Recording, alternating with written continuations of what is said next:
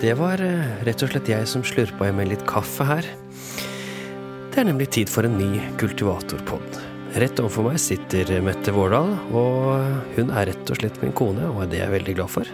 Og jeg heter Vegard Vårdal, og vi driver firma Kultivator, og da også Kultivatorpodden. Og i dag håper vi dere er klar for en ny liten drøs om hva som skjer ute i verden av folkemusikk og folkedans og folkekulturrelaterte ting. Ja, og kanskje vi skal snakke litt om tonalitet i dag. Jeg tror nok det blir litt det. Og selvsagt litt aktuelt. Så bare vent.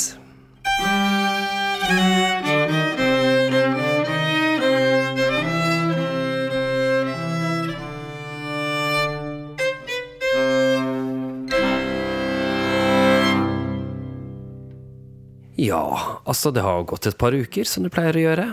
Eh, og denne gangen så har vi kommet oss hjem til Vågå. Jeg har nettopp kommet inn av døra og fått satt opp podkastutstyret, og vi er klare. Så derfor høres det litt annerledes ut i dag enn eh, de to forrige gangene hvor vi faktisk har vært i Oslo. Ja, litt, litt mindre romklang. Og så er det helt fantastisk fint vær ute. Det er påskestemning. Eh, jeg husker at vi skal jo på fjellet i påsken, og da må vi kanskje skaffe meg litt nye skisko.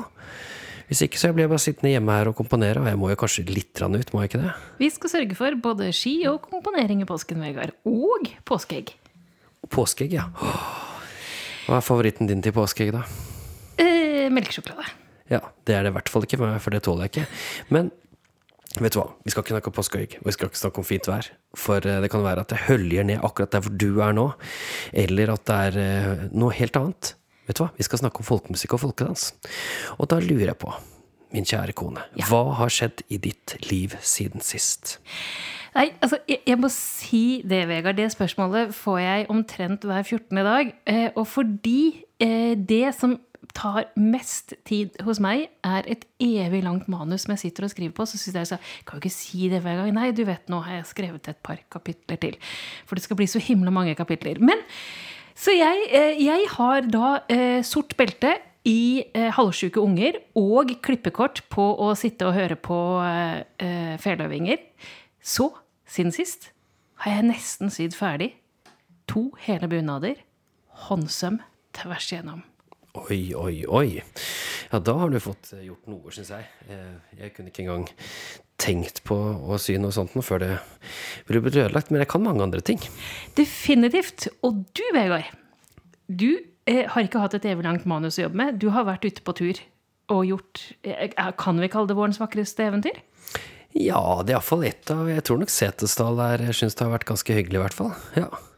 ja, for Setesdal, eller Setesdalskulturen, har jo kommet på Unesco sin verdensarvliste over immateriell kulturarv. Og eh, da skal de jo gjøre et stykke arbeid for å ivareta egen kultur. Og der var det du kom inn i bildet. Ja, rett og slett. For eh, ja, skal vi se, ca. et år siden så eh, satte Annbjørg Lien, Harald B. Knutsen har Annbjørn Lien fra det som UNESCO-prosjektet, som kalles Setesdal Folk, og Harald B. Knutsen fra Agder Folkemusikkarkiv, og Anne Tone Hageland fra Agder fylkeskommune. Og jeg, Vegard, fra ja, Litt over hele landet? Kultivator. Ja. som er da firmaet som vi driver, da. Ja! Og ja, det var reklame, ja. ja. så, så da vi satte oss ned og skulle diskutere hva i all verden vi kan gjøre for å løfte opp eh, folkekulturen i Setesdal enda mer om jeg hadde noen idé. Og da var det egentlig Anne Tone som kom på en idé, fordi vi hadde for eh, fire, fem, seks år siden et stort opplegg i Eiken, hvor vi ga Eiken kommune en kveld som de fikk lov til å bestemme selv hvordan det skulle være, og da bestemte de at den skulle være med folkemusikk og folkedans. Og da lagde jeg rett og slett en hel kveld for dem. Jeg var oppe og besøkte, dem, hadde workshops, hadde det som heter på norsk, da, verksteder. Og så arrangerte jeg ny, ny, musikk, og så gjorde jeg slik at uh, hele bygda kunne komme og se første til sjuende klasse danse og synge og fortelle skrøner til uh, foreldrene sine og besteforeldrene og alle de andre som har lyst til å komme. Ja, og, og med deg på det så hadde du et helt uh, lite lag av musikere og dansere? Ja, den gangen der så hadde jeg med en gjeng som jeg pleide, eller som jeg fremdeles reiser rundt med på eh, DKS-konsert, som var Østfolk, med Linn Andrea Fuglseth og Åsmund Reistad. Og eh, Per Jostein Aarsand. Det hadde jeg på den turen der, i Eiken. Ja. Men nå her skal vi gå enda større, bestemte Anne Tone Hageland seg for. Så det vi skulle gjøre her, var at jeg skulle være, dra til Setesdal og være der tre ganger skal jeg besøke de før denne uken her. Og alle tre kommunene i Setesdal, både Bykle, Bygland og Valle, skulle få hver sin bygdekveld. Og nå har jeg altså hatt tre av disse tre, disse tre bygdekveldene. Tirsdag, onsdag, torsdag. Og eh, da var det på samme måte som Eiken. Da hadde vi altså rett og slett eh, laget et opplegg. Men her siden Eiken var unik, da, så måtte jeg gjøre noe, lage noe unikt for hver eneste Hver eneste bygd, da. Så da gjorde jeg det. Eh, så jeg tok rett og slett og lagde en slott til hver eneste nye bygd. Vi hentet dialekter fra hver eneste bygd, som vi bakt, bakte inn i den slåtten. Jeg lærte hver, hver eneste kommune og hver eneste skole lærte jeg rett og slett eh, noen danser som de kunne like, og de fikk noen sanger som var fra deres kommune også. Ja, fordi fordi altså, dette her er jo i Unescos ånd, og da handler det jo ikke om altså, Det er jo fine kvelder å vise frem, men du skal jo ikke vise frem bare kulturen. Altså Poenget er jo at du skal lære den å bli en Å bli engasjert. Ja, engasjert, og en tradisjonsbærer. Mm. Ja. Ja, for det er jo de fleste tradisjonsbærerne er jo ganske engasjert og opptatt av sin egen kultur. Og her var det vitsen var at vi skulle gi alle skolebarna. Og da slutta ikke på 7. klasse, vet du. Vi tok helt til 10. klasse. Og eh, som en sa i Valle nå på slutten, at hun har nesten ikke sett en større gangaring siden eh, slutten av 60-tallet. Og da var det hele ungdomsskolen som rett og slett danset Setesdalsgangar.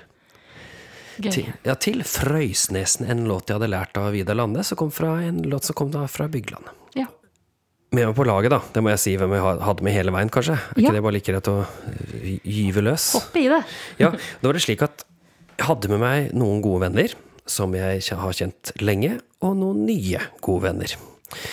Og en av de jeg har jobbet lengst med, er jo Unni Løvli fra Norges musikkhøgskole nå, er eh, der. Og hun har jobbet med lenge. Husker du første gang vi jeg traff henne og vi jobbet med henne, eller? Eh, ja, dere var jo studenter sammen på Musikkhøgskolen. Og jeg husker det var en gruppe som het Uvær. Som Ikke bare uvær, den het Uveir. Ja, og det var en god beskrivelse av stemningen i turnébussen. Men en gruppe som holdt litt eh, lenger, det var eh, Rusk. Ja, og vi er jo fremdeles gode venner og har til og med spilt på en sånn Grappa-reunion her for, for, ikke så lenge siden, med Frode Haltli. Ja. Men Unni Løvli måtte jeg selvsagt ha med på laget. Og så hadde jeg med meg Viktor Bomstad. Eh, og han hadde truffet på Lille-Riksen en gang på Riksen. Han er altså en eh, samisk artist, eh, gitarist, og eh, kom fra Storfjorden. Og han hadde reist rundt på, eller vi reiste rundt sammen, da, men han var innom alle ungdomsskolene og samlet inn dialekter, rett og slett. Dialektord. Og det lagde jeg låt av. Og han foreslo inn sin eh, gode kamerat Henrik Sandstadalen. Og han spilte bass. Ja. Og ikke bare litt god, han var veldig god på bass. Ja. Ok, Så det var et nytt eh, stjernebekjentskap? Ja. Han, det, var veldig, det eh, var veldig artig å ha med to eh, nye samarbeidspartnere. For da trigger det meg litt også for at vi gjør noe nytt. Så det er ganske fint. Mm. Og så hadde jeg med Birger Mistregen, som er en perkusjonist. Veldig dyktig. Og det var helt strålende. Men det var også var på scenen. Og vi måtte ha en gjesteartist. En stor stjerne i Setesdal, og det er selvsagt Nei, Kan det være noen andre enn Kirsten Bråten Berg? Helt korrekt. Hun eh, startet og sluttet og var med i midten av programmet. Så det var veldig gøy. Og så hadde vi med dansere. Vi hadde med Ådne mm, Kolbensjus på dans. Han hadde altså halling og alt eh, Ja, han var rett og slett et forbilde for alle. Og det var på ett sted så var bare så vi eh, første andre og tredje klasse som bare sånn wow! Og noen steder nesten ikke klarte å sitte stille når de så på Ådne danse. Og så hadde vi med oss Tone Ingvaldsen, som er, eh, også har dansa litt i Kartellet, og er en kjempedyktig pedagog. Og det var vi to som liksom holdt dansegjengen på plass nede. Og så Var det noe mer da? Sånn om jeg vet? Vi hadde med oss lyd. Agder-lyd, selvsagt. Så var Adne Tone sjefen også. Var Harald B. Knutsen her og tok opp. Nei, det var så fine greier. Altså, det ble så fine kvelder. ikke sant? Hele kvelden startet med at eh, alle fikk kaffe, eller kaffemat, og kaker og brus og sånn. Så da ungene var litt høye når de kom inn. Og så kjørte vi i gang med en times forestilling i Setesdalsånd, eller i hver enkelt kommune, rett og slett. Utrolig bra. Og eh, altså, kjempeløft. Ja. Både for deg som, og, og de andre som var med, og for eh, elevene i Setesdal. Og kanskje skolen også, for lærerne har vel også fått vært med på det og snappet opp litt metoder og arbeidsformer. Ja, for de får også med seg rett og slett en, en liten, eh, et lite hefte som jeg skal drive og lage nå i etterkant, som eh, alle lærere får, rett og slett. Hvor de med alle låter og alt vi har brukt, og alle arrangement. Og, og det er til fri benyttelse for dem. Ja. Og så kanskje vi etter hvert får lov til å legge ut noen eh, av filmene på et eller annet sosialt medium, så skal du få lov til å se litt av den. Men det jeg gjorde, det var altså at jeg komponerte, og her skal dere få én av komposisjonene mine. Jeg kaller den bare 'Bygge stein på stein'.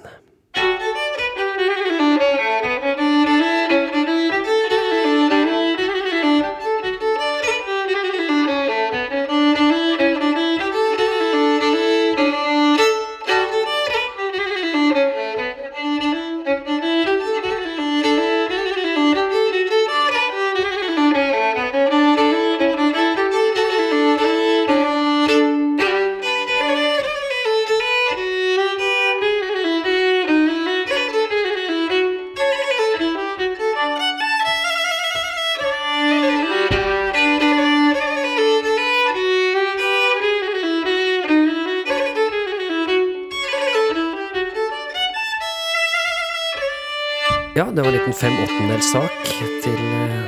Byggeland. Bygge stein på stein. Hva syns du? Stille? Ja. Nei, men det er noe Det, var bare, eh, det er veldig morsomt med stort band, men jeg har ikke akkurat opptak av det i dag. Så det får bli til en annen gang. Kanskje jeg får det Vi kan vise det en annen gang. Men i tillegg til det, så måtte jeg gjøre noe i helgen imellom jeg var i Setesdal, for jeg har vært i Setesdal i to uker nå. Så da var jeg på et hotell i Oslo og underviste unge, håpefulle ledere av spelmannslag i Folkorg. Det som heter Folkleiar Ung. Ja, og det har vi jo snakket om før. Og det er jo rett og slett eh, ungdom som har lyst til å, å stå foran og lede Spellemann. Eller ikke bare det å være musikalsk leder, kanskje, men det å liksom være en lederskikkelse i Spellemannslag. Ja. Og det var det er første året det er gjennomført, og det var siste helgen. Ja. Og det var helt, rett og slett helt fantastisk. Utrolig gøy å møte ungdom som er så engasjert, og som har lyst til å gjøre en forandring, og som har lyst til å være pedagoger, og som har lyst til å stå foran et lag og lede. Men selvsagt, vi skal ikke kaste det uti det. Altså, de må få lov til å få opplæring, og de må få lov til å prøve, og de må få lov til å feile. Så vi skal følge det opp enda litt mer, faktisk, fram til sommeren. Og så blir det ny søknadsfrist etter sommeren til et nytt kull for Ja. neste år. Ja, jeg husker jo det. Altså, da jeg selv var på den alderen, altså slutten av tenårene, begynnelsen av 20-årene, og skulle prøve meg i organisasjonslivet, ikke i et lederspellemannslag, riktignok. Men jeg har tenkt på det siden, altså hvor fint det var å bli kasta ut, men med sikkerhetsnett. Ja. Som gjorde at du fikk lov til å teste, og så var det noen bak som rydda opp hver gang det skar seg. Ja. Til man lærte sjøl. Ja, man må jo, man må jo ha det sånn. Det, altså, man kan ikke være perfekt første gang. Eller det, da er man et geni, og det, er ikke, det kan man ikke si at alle skal være. Så nei, det var rett og slett helt fantastisk, og det var gøy å se at de også hadde vokst på siden sist samling. Men det var det som skjer i livet, og så er det masse andre. Det er så mange diskusjoner på Facebook som man blir eh, fascinert av. Men eh, hvis det er slik at dere mener at det er noe vi har glemt å ta opp her i podkasten, da må dere sende mail til kultivatorpodden alfakrøll kultivator.no, eller finne Facebook-sida vår på Facebook. Det er Facebook-sider pleier å være. Det er gjerne der de er, ja. Ja. ja. Og det er der vi er på sosiale medier foreløpig. Men eh, Kultivator er jo på Instagram. Det har jeg hørt er det nye store innenfor uh, SoMe. Og eh, vi er på Twitter også, relativt sporadisk. Ja, du heter da Vardola, Ja. eller noe der. Og eh, ja så, Men vi vil gjerne faktisk ha eh, tilbakemelding fra dere. Vi har fått en god del eh, allerede, og de baker vi så godt vi kan inn i eh, sendingene våre. Men nå er det en liten sak, og så kommer dagens tema.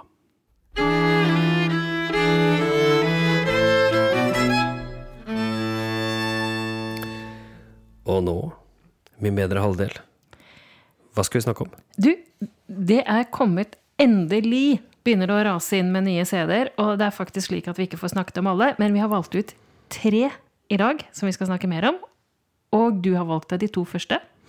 Ja, jeg har gått for tradisjonelt uh, spill, eller det man oppfatter som gammelt, alderdommelig spill i dag. Og det er altså Rasmus Tjorstad som har sluppet plata på altså 1. april. Det er ikke en aprilspøk, det er rett og slett 1. april, som heter Spelstund.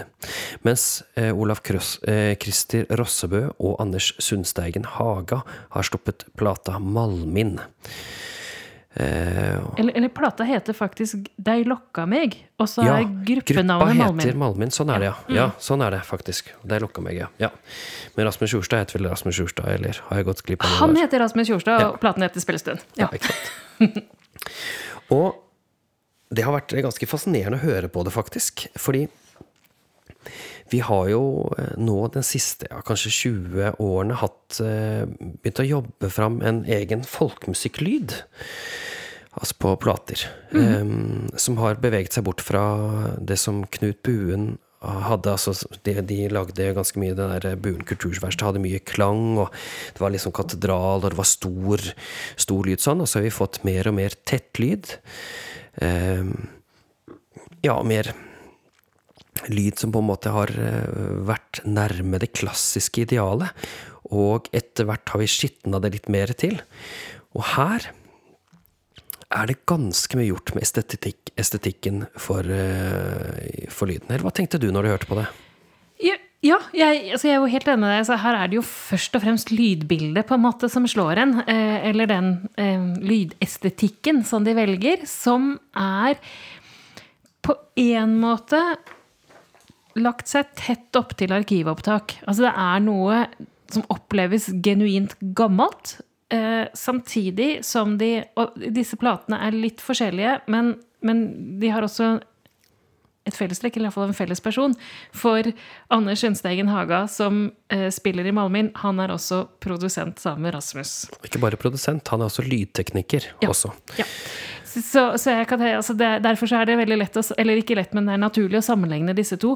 Og jeg tenker altså det der som sier også finne fram, jobbe fram det lydbildet, og kanskje spesielt Rasmus Tjorstad har jo tidligere vært veldig eh, aktiv på det, altså eksperimentell da, på nettopp å få frem den litt sprø, gamle, genuine, uten at det er kopi av det gamle. Ja, altså eh, vi, jo, vi, hadde med oss Rasmus en gang til eh, England, mm. hvor han spilte til vårt dansekurs.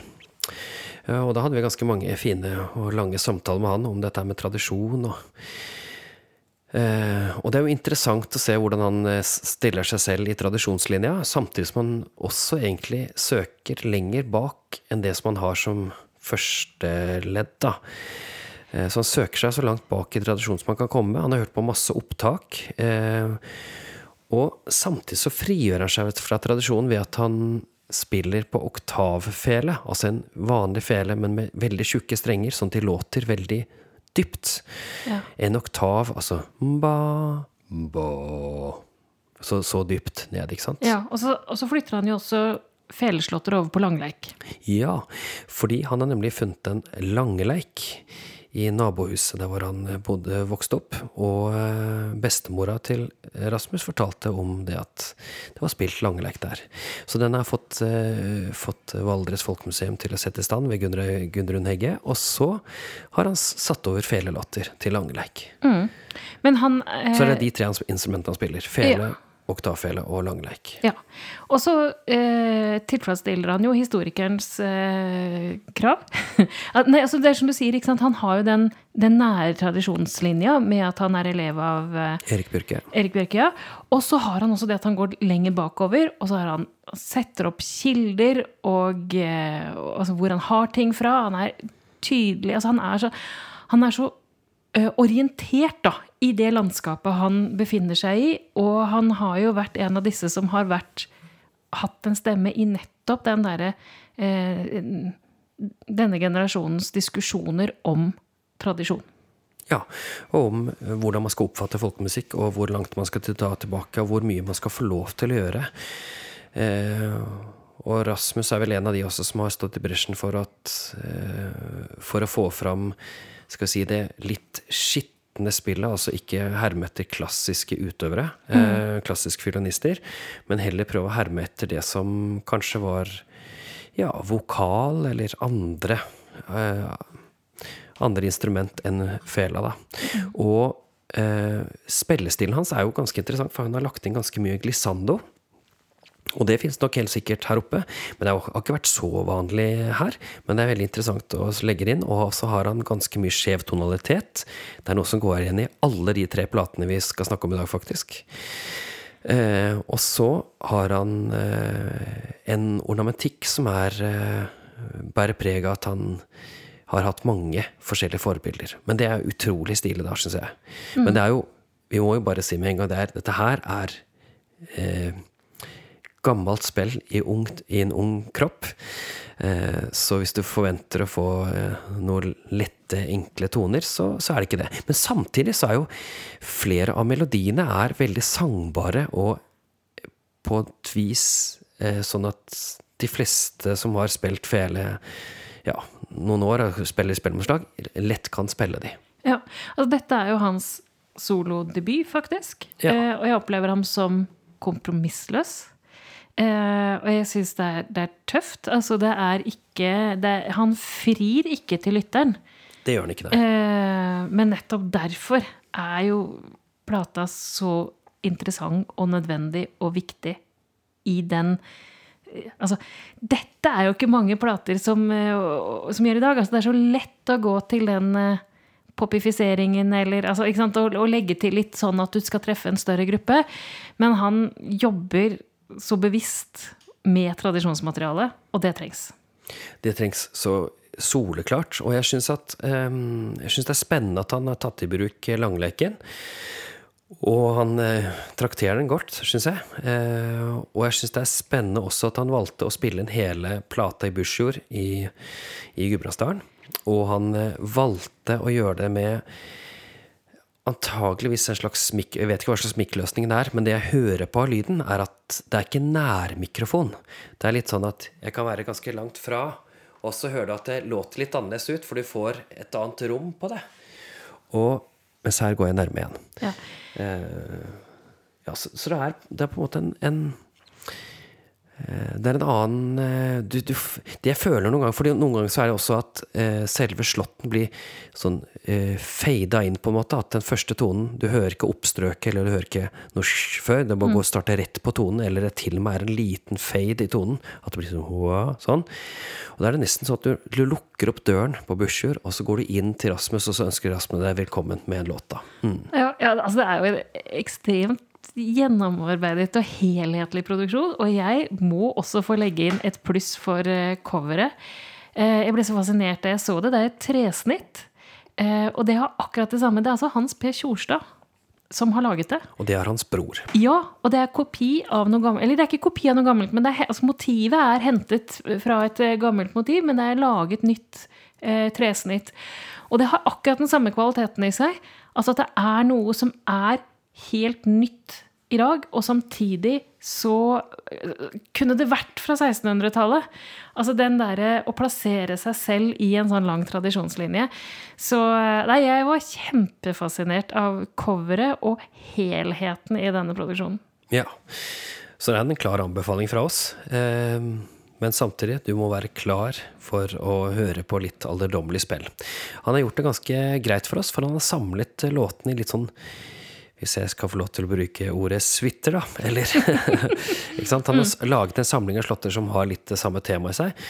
Og det gjør at, ja det er liksom, Da slipper du å hoppe så mye gjennom forskjellige temaer, da. Eh, og det er gitt ut på Talik. Jarnfrid Kjøk har laget et lite, skrevet et lite forord.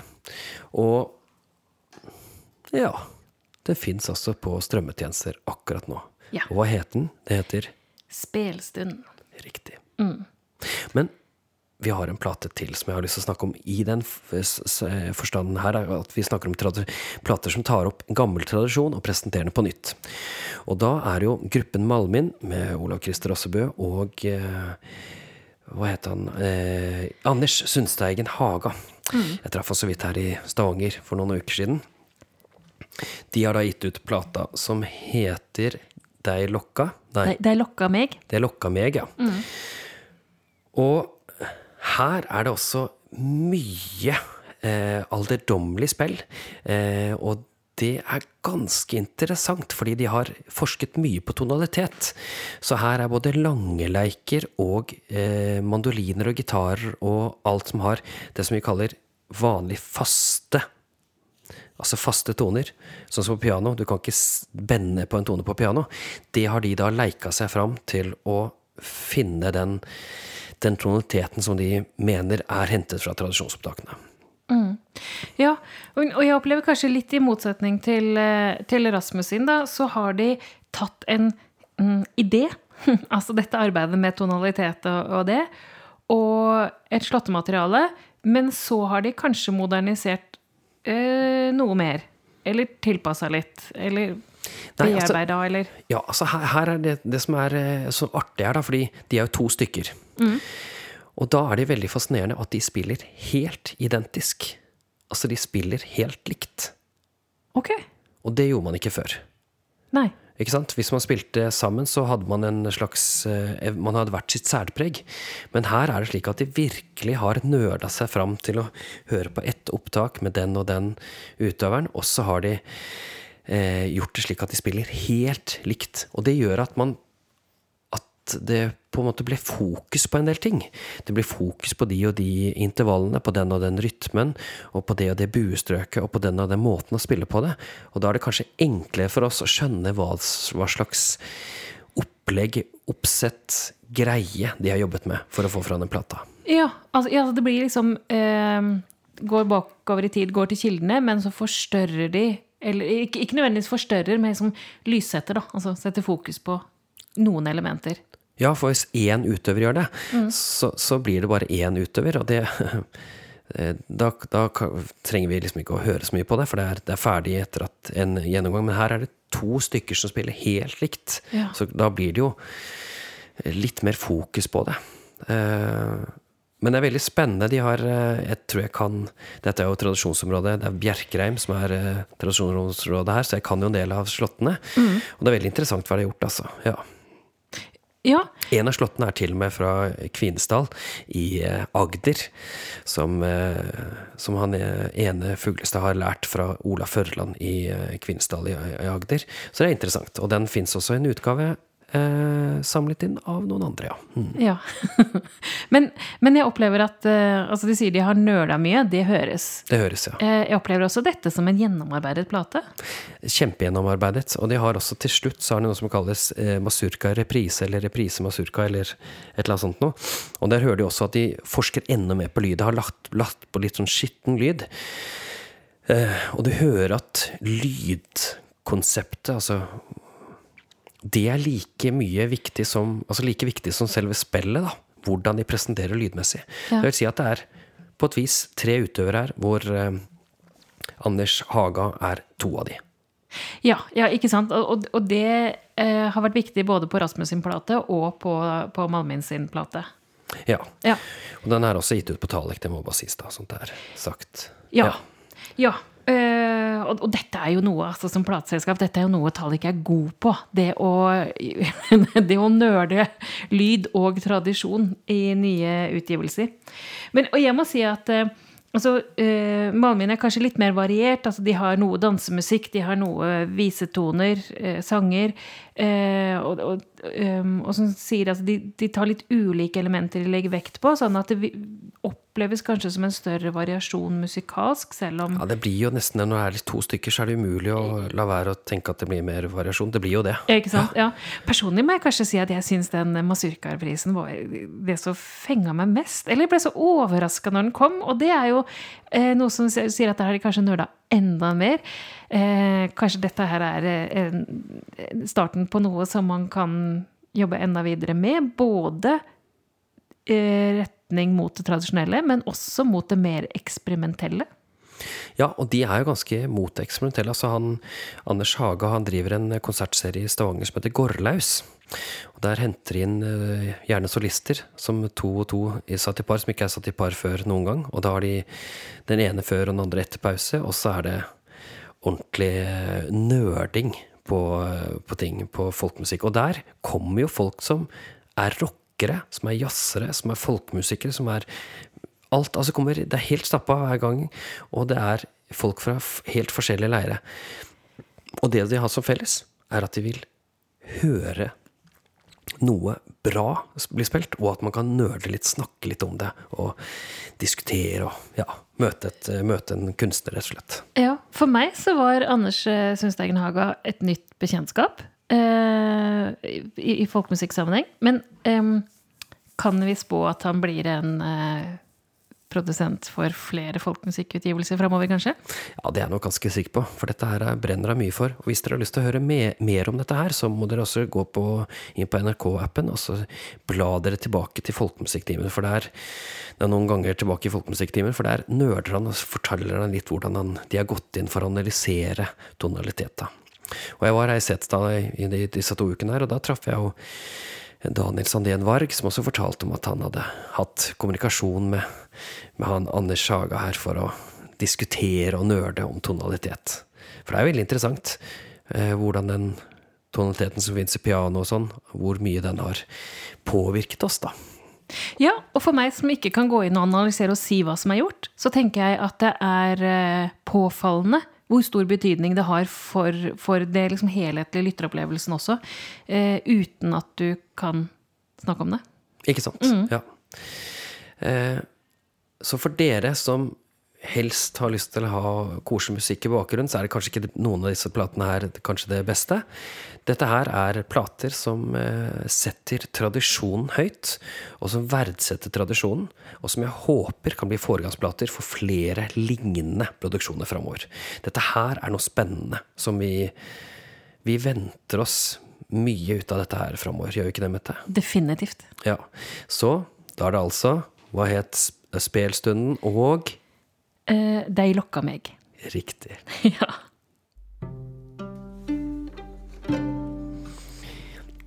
Nå har vi så snakket om to album som eh, tilstreber tradisjon, og som går langt for å finne ut det de mener er en gammel og god tradisjon, som vi også er enig i at de sikkert har funnet det.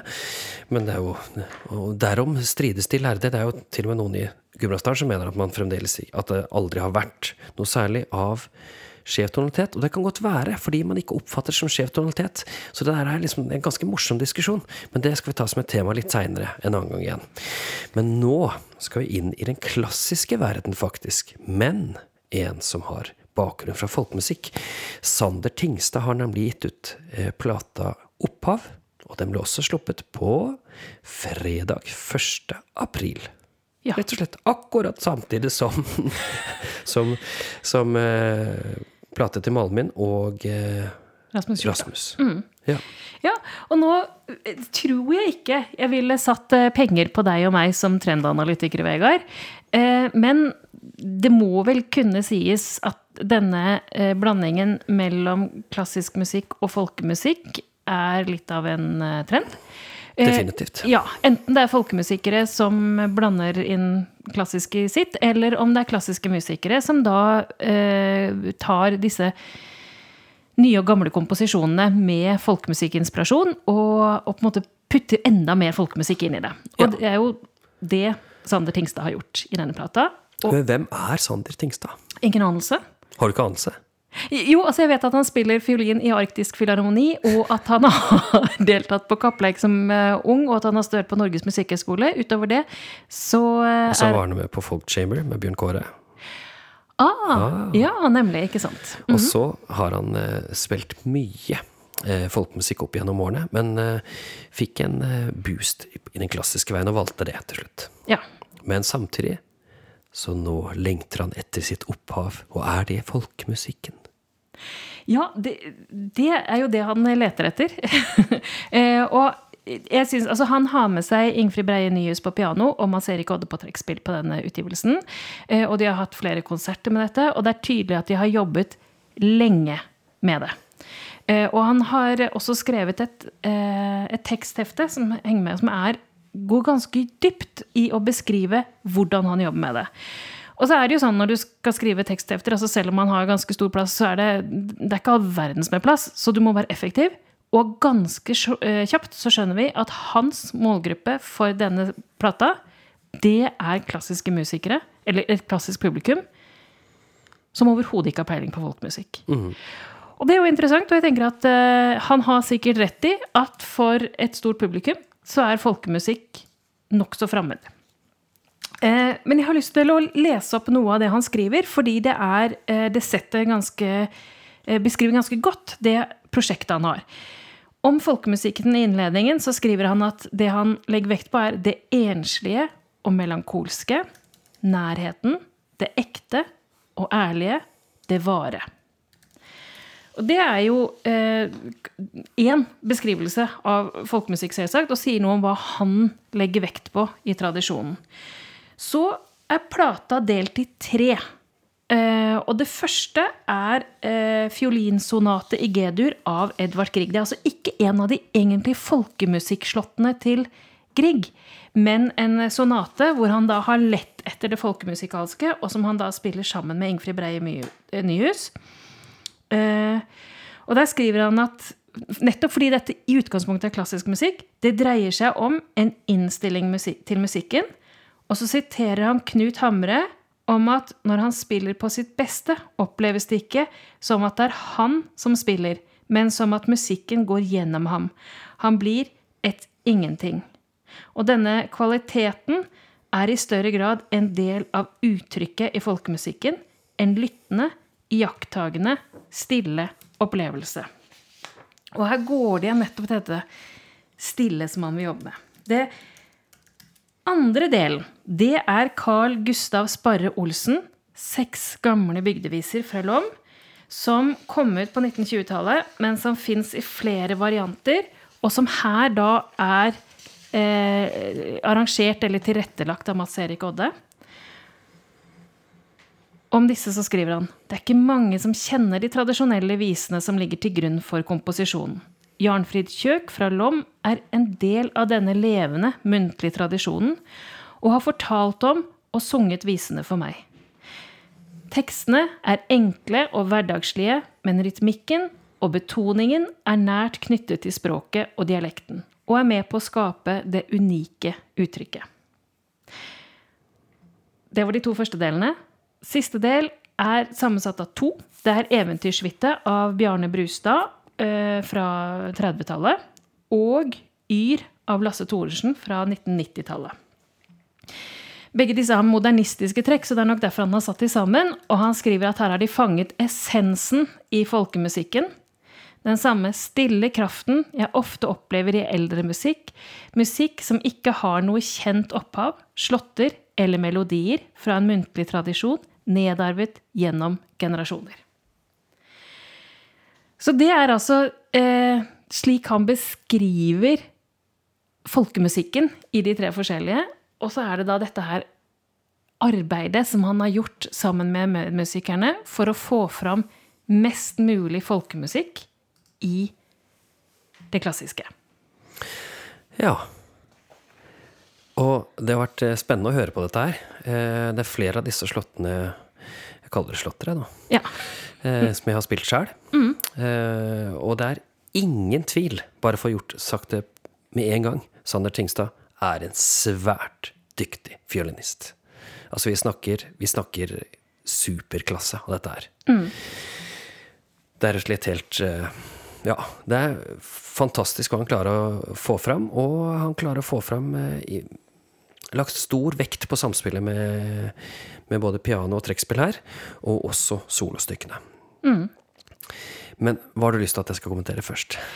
Nei, jeg, jeg vet jeg vet sannelig ikke hvor Jo, du, vi starter med Grieg. Eh, for han, han, skriver jo det at Grieg er blitt kritisert for at han misforsto folkemusikken. Og da vil jeg si at det, det er ikke det jeg syns er verst med Grieg. Det verste med Grieg er egentlig at han var eh, romantisk eh, komponist. og jeg syns det er fryktelig kjedelig. Nei, men altså, det er jo en litt uh, Grieg var ja, kjempedyktig, men, men, det er litt utdatert, noe av det. Uh, også, men det jeg syns er interessant, er at han har tatt en sonate og prøvd å, å, å liksom legge til folkemusikk i det. Mm. Og da, da sier, eh, sier, noen her altså avkledd all nasjonal, nasjonalromantisk propaganda blottla utøverne en mulig Grieg-interpretasjon i en annen dimensjon, med helt vigerende spilleregler og en vrangvendt estetikk som tvang tilhørende til komplett ommøblering av det vante og forvente musikalske. Ja, det er jo eh, interessant sitat, da. Men jeg syns det kanskje var å gå litt langt, fordi det det er, det er klassisk musikk. Men så har han lagt til noe folkemusikk, og det sier han selv, at de, både, verken han eller Ingfrid framfører den her likt fra gang til gang. Og det er jo noe som er til folkemusikken. Og i tillegg, han legger til skjev tonalitet, han legger til triller. Men utgangspunktet for dette her, det er ikke voldsom eh, endring fra andre som spiller denne her, for det er klassisk musikk. Ja, og det er jo det vi, vi snakket jo for eh, en eller to sesonger siden om søstrene Hemsing. Ja. Som de henvender seg også til et klassisk publikum, men til et da internasjonalt klassisk publikum med eh, mye av det samme materialet altså norsk folkemusikk-inspirert klassisk musikk. Mm. Og hvor lite eh, folkemusikk som skal til før klassiske anmeldere eh, ser på det som helt nytt og helt fremmed og helt annerledes. Mm. Og jeg blir litt overrasket over hvor eh, Altså, er, er den klassiske tradisjonen så utrolig stringent og lite variert? Ja, eller så satt, rett og slett. Det blir jeg også overrasket over når de trenger å si at dette her er helt uh, Dette her er nytt, og de har jobbet masse sammen det, det, har, det, har, de helt sikkert gjort. Og, men både Ingfrid har jo Ingfrid Breie Nyhus Nyhus er jo Sven Nyhus, altså Mm. Dattera Svennis har jo det, dette her i blodet. Sander Tingstad har også dette blodet, for han drev med folkemusikk. Så det var vel mer naturlig enn at de faktisk inkluderer folkemusikken i en interpretasjon av Grieg. Eh, men fremdeles beholder det klassiske, litt sånn stringente stilen. Og det syns jeg de klart bra. Ja. Jeg liker det jo. Jeg ja, digger det. Jeg, jeg syns det er helt fint. Eh, det er litt sånn Det er eh, av og til rart når man bruker skjev tonalitet sammen med et fast instrument som, som, piano. Men han gjør det mest i de, det som hun kaller kadanser, altså der hvor mm. det ikke er noe piano. Og av og til litt sånn uh, utenom. Uh, I trillene og litt sånt. Og det, er, det, det syns jeg egentlig fungerer ganske godt, altså. Jo. Men det er sikkert noen som vil reagere litt på det. Uh, og så har han også valgt en stil gjennom hele plata som ikke er virtuos. Altså han står ikke der oppe og forventer å få lyskasteren på seg hele tiden, for nå gjorde han det og det spranget, eller nå tok han og spilte i syvende posisjon i trippelt tempo samtidig som han hostet eh, fanetullen på innoverpust. ikke sant? Det er ikke noe sånt noe. Han bare gjør det. Ja. Og det syns jeg er også en folkemusikalsk idé i det, da. Mm. Eh, og så valgte han å ta Grieg først, sikkert fordi det er det eldste. Eh, og det er ganske lange ting. Eh, ja. Så eh, det er liksom en litt sånn tung start på plata, syns jeg, da. Ja. ja jeg, jeg, begynte å høre på den flere ganger, og så, og så måtte jeg ta pauser. Mm. for å si altså, det, er, det er tung start. Og for, for, en som ikke har den ja, overraskende satte klassiske tilnærming til det, så oppleves det eh, som en um, ikke så overraskende tolkning av Grieg. Om, om, altså, om, det, høres jo, det, høres jo, fælt ut å si det, men, men jeg tenker at jeg blir så overrasket over at det er så uventa. Ja. men da tenker jeg nettopp derfor Det er fordi vi kommer fra et annet miljø. Mette. Ja, ikke sant? Og derfor så tenker jeg det er så interessant å se disse platene og lese coveret og lese hvordan han henvender seg om folkemusikken. Altså, for her er folkemusikken kjempeeksotisk. Og så tenker jeg, altså, kjære klassiske lyttere i Norge, våkne opp! Ja. altså, altså, når, når jeg forteller om Jarnfrid Kjøk som liksom siste gjenlevende altså, det, han, det, høres jo ut som han er Lindemann eller Sandvik som er ute og samler. Eh, og for oss som da er i folkemusikkmiljøet, tenker vi at dette er jo levedyktig tradisjon som bare det. Så tenker jeg at ok, for, for de andre så er vi altså så ukjente. Og da er jo denne typen innspillinger gull.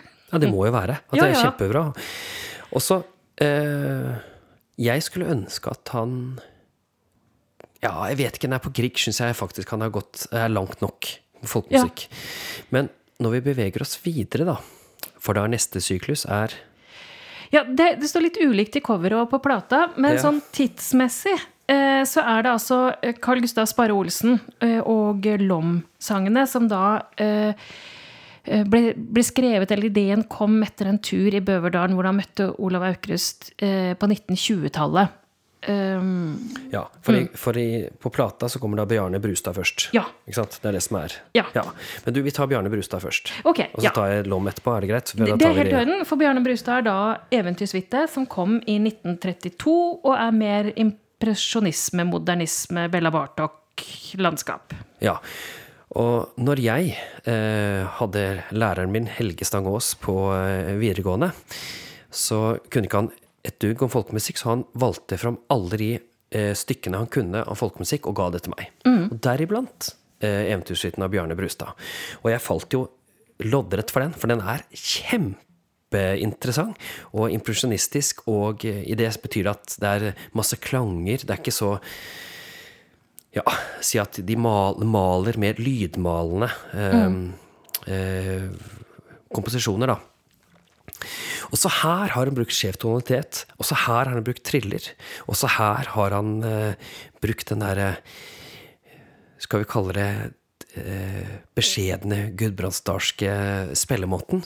Og det er veldig interessant. Og det som er morsomt med dette her, er at hvis du går på, eh, på Godeses eh, ja, en strømmetjeneste og hører på de andre innspillingene, så hører du at det er ganske stor forskjell fra Sander Tingstad til de andre. Og jeg må si at eh, Jeg hørte på en innspilling nå, og det var av Camilla Wix. og det er altså en, en norsk eh, Amerikansk eh, fiolinist født i eh, 1928, som spilte den her. Klassisk skolert. Klassisk Ja. mm. de luxe. Og når hun spilte den, hun spilte Troll- Trollkverna, som er eh, sats nummer fire fra denne suiten, så er det med sånn virtuositet og sånn Det tvinger rampelyset på henne. Du ser at hun står der, og hvis det er noen som flytter det der, den eh, flyttbare spotten vekk fra noe annet sted, så bare står hun fast på plassen og roper ut 'Sett spotten på meg, det er jeg som er sjefen'. Ja, for dette, dette kan, er på en måte sånn klassisk nummer hvor, hvor du kan så Det er solostykket, ikke sant? Ja, det var eh, orkestermesteren i eh, Eller kapell... Nei, ikke kapell... Orkesterlederen, altså førstefiolinisten i Filharmonien, har jo brukt dette her flere ganger som et ekstranummer. Ikke sant? Ja. Ja. ja. Så det er et eh, sånn bravur-glansnummer. Ja, iallfall mm. sats nummer fire, som er Trollkverna. Ja. Og de andre satsene også var vanskelig, altså. Jeg, med, så jeg husker at jeg ga opp Trollkverna, selvsagt. Tredjeklassing på videregående er ikke det en grense hva jeg får til. Men, men det er veldig spennende, for jeg har hatt, brukt denne her masse med mine folkemusikkelever, og da tar hun enda lenger enn Sander. Så her kunne jeg ønsket, for den her er ikke så satt som Grieg, her kunne jeg ønsket at Sander hadde tatt den enda lenger, faktisk funnet ut den, eh, en sats som heter sull. Bare prøv å finne ut hva betyr sull? Hva betyr sull i folkemusikken? Hvor langt kan du ta det når du spiller den her, da? Ja, for det tenkte jeg, for det, i de, beskrivelsene han har, så er han så opptatt av det liksom, um, ensomme Jeg vet ikke om han da tenker på det solistiske, men det er liksom melankolske, det er det stille. Uh, sånn helt nedpå. Og så tenker jeg at uh, det er jo bare en bitte liten del av folkemusikken. Uh, for det, det savnet jeg i denne, at liksom, folkemusikken fikk lov til å få en litt større sjangerbredde også, i hvordan du puttet folkemusikken inn i klassiske stykker. da. Jo, det, ja, men han spiller den her solo, og eh, hvis man hører mot de andre, så hører jeg at det er ganske stor forskjell. Eh, og spesielt på attakket. Folkemusikerne sniker seg litt mer inn på tonen. Eh, og dette her må bare si at det er en glede for meg at det endelig kommer en eh, innspilling på sosiale, på sosiale medier og strømmetjenester som man faktisk kan anbefale elevene å høre på. Ja. Jeg har slitt med, eh, med det tidligere, rett og slett. Ja, ikke sant? Når folkemusikere faktisk skal spille det, at de slipper å høre på da Skriv deg ut med mening. Dette er altså en gavepakke til alle dine studenter. Ja, nei, ja. Ja, Eh, men til andre også. Mm.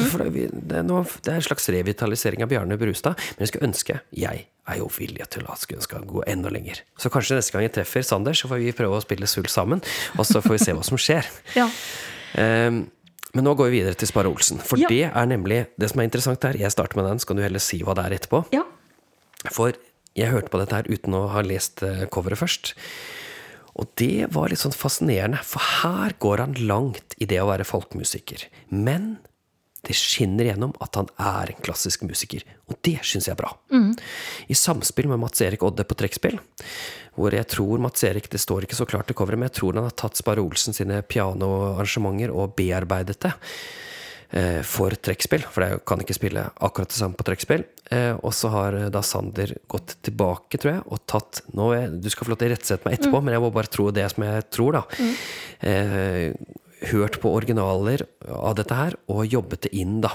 Men Sparre Olsen han tok jo faktisk også og rekomponerte flere av disse eh, låtene inn i en setting. Så vi har jo også blant annet eh, eh, Paul eh, Hva heter den? Pål sine høner. Pål sine høner. Ja, den er også en liten variant her, men jeg hører at den er ganske forandret fra en slags originalvri. Men det, jeg synes det er, dette er morsomt. Jeg, synes, jeg tror jeg likte akkurat disse seks her best av alle på plata. Fordi han turte å gå langt på folkemusikken. Han turte å gjøre mye Skjevtonitet, Han turte å bruke litt eh, forsiktig ornamentikk. Eh, og så er det det at eh, Mats Erik er jo tvers igjennom med folkemusikker. Eh, og det kledde dette her også. Det dempa på en måte litt av den klassiske stilen til Sander, da. Ja. Ja. Ja, altså jeg Dette er min soleklare favoritt, altså disse seks oh, ja. visene. Altså det er, eh, det, dette kunne jeg satt på som eh, kveldsmusikk når jeg skal legge meg. Det er, det er utrolig fint. Uh, og det er klart at altså eh, det, det er litt sånn tidsforskyvningen her, fordi at det er jo i og for seg fra 20-tallet, samtidig som han da har rearrangert og rekomponert det eh, gjennom hele sitt liv, han Sparre Olsen. Um, eh, og så er han jo da eh, på en måte i sånn videreføring av Grieg-tradisjonen. Han er litt mer sånn klassisk romantisk enn det impresjonistiske, modernistiske. Men eh, Nei, jeg syns det er helt fantastisk nydelig. Og, eh, og her har det liksom akkurat det som man formidler med det stille, rolige, det vakre i musikken. Det er jo viser, ikke sant, som da får lov til å bre seg ut. Det blir så fint. Og samspillet med Mats Erik er eh, nydelig. Eh, og sånn, ja, det er vel kanskje da fordi at jeg kommer fra folkemusikken. Det kan jo hende at klassiske publikummet da vil si at dette var jo ja. Ikke noe særlig. Nei, ikke sant?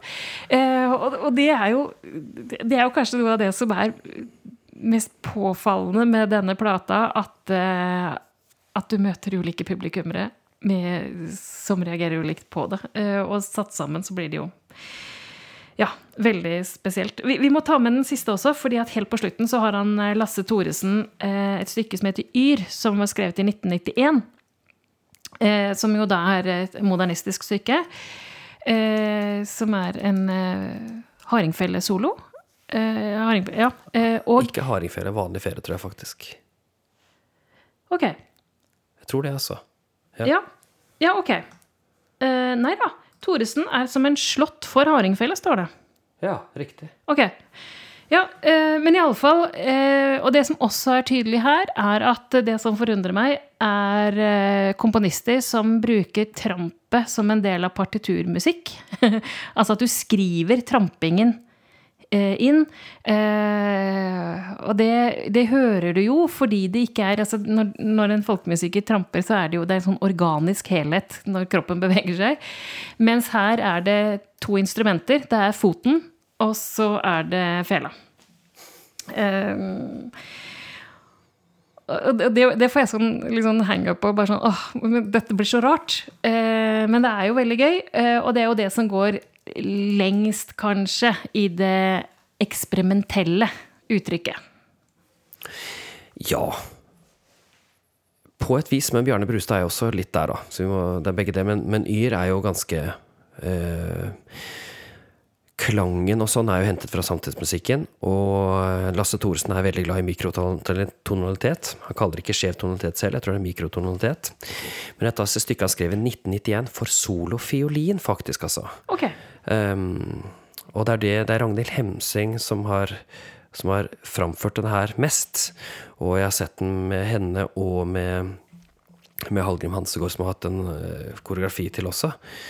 Uh, men det, det, kan jo selvsagt spille på hardingfele, det, det veit Ja. jeg bare ikke. Uh, men uh, ja, det får være som det er. Uh, uansett, stykket er basert på mye flasjoletter, på mye overtoner, på det spektrumet som fins når, du- når du slår av noe, og uh, tonaliteten som fins i det. Og så har han da tatt med trampet i uh, en seksjon som på en måte gjentas, kommer litt igjen seinere. Eh, og her fins det jo også en innspilling før. Eh, og der kan du høre ganske stor forskjell i uttrykket, men det er like mye i selve lydbildet. For Ragnhild Hemsing sitt lydbilde er spist, klart, nesten aggressivt. Sånn her 'Her er jeg', med lyden. Og klokkeklart og eh, ja, rett og slett veldig bravur framført. Mens godeste Sander Tingstad har en litt mer mørkere lyd, eh, litt mer tatt av i toppen, og litt mer avstand. Eh, og også en større bruk av eh, variasjon i tempo. Så det gjør at Sander sin varer nesten varer ganske mye lenger sin enn Ragnhild sin, da. Ja. Ja. Men, men hva, hva, har du hørt på begge to, eller har du bare hørt på en av de? Nei, jeg har bare hørt på, på Sander Tingstad sine. Ja, men Hva Innspill. tenker du da om det jeg sier med lyd og sånn, da? Jo, eh, jeg, jeg tenker altså det jeg syns eh, Påfallende behagelig å høre på, på hele opphav. Altså det, det er godt og lett lydbilde å høre på. Eh, og eh, Ja, jo, nei, jeg er enig, enig med deg i at den er som liksom ikke, ikke den spisse klare. Men ja, vi snakket om i forrige bolk, altså det litt, litt mer grøtete. Eh, Nei, grøtete er feil å si, men, eh, men liksom litt mer ehm, Sammensatt, kanskje. Eh, at ikke så, ikke så rendyrket den klare uh, tonen. Ja. Men sånn til sammen så blir jo alt dette her, hele dette greiene blir en ganske sånn sammensatt plate. Så det er ikke en plate som Jeg, jeg tror rett og slett eh, Jeg hadde litt pause innimellom. Etter Bjørne, Bjørne, Brustad så tok jeg en liten pause, og så tok jeg en liten pause etter Spar Olsen. Og så hørte jeg på Yr i eh, litt flere settinger. Ja. Og det anbefales også, tror jeg. Ja, ja Ja. det, det gjorde jeg jo. Ja.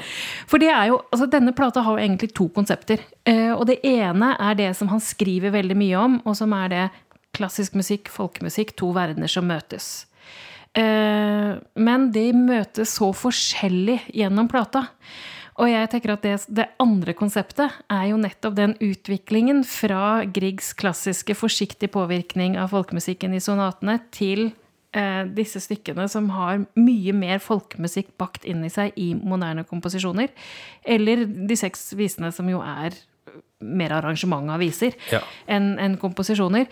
Eh, og hvordan du da ulikt kan jobbe med folkemusikken i klassisk musikk. Jeg tenker sånn fra, fra folkemusikkpublikum så hadde så syns jeg kanskje det er det mest interessante. Men, men igjen, det er klart at han har jo da et klassisk publikum.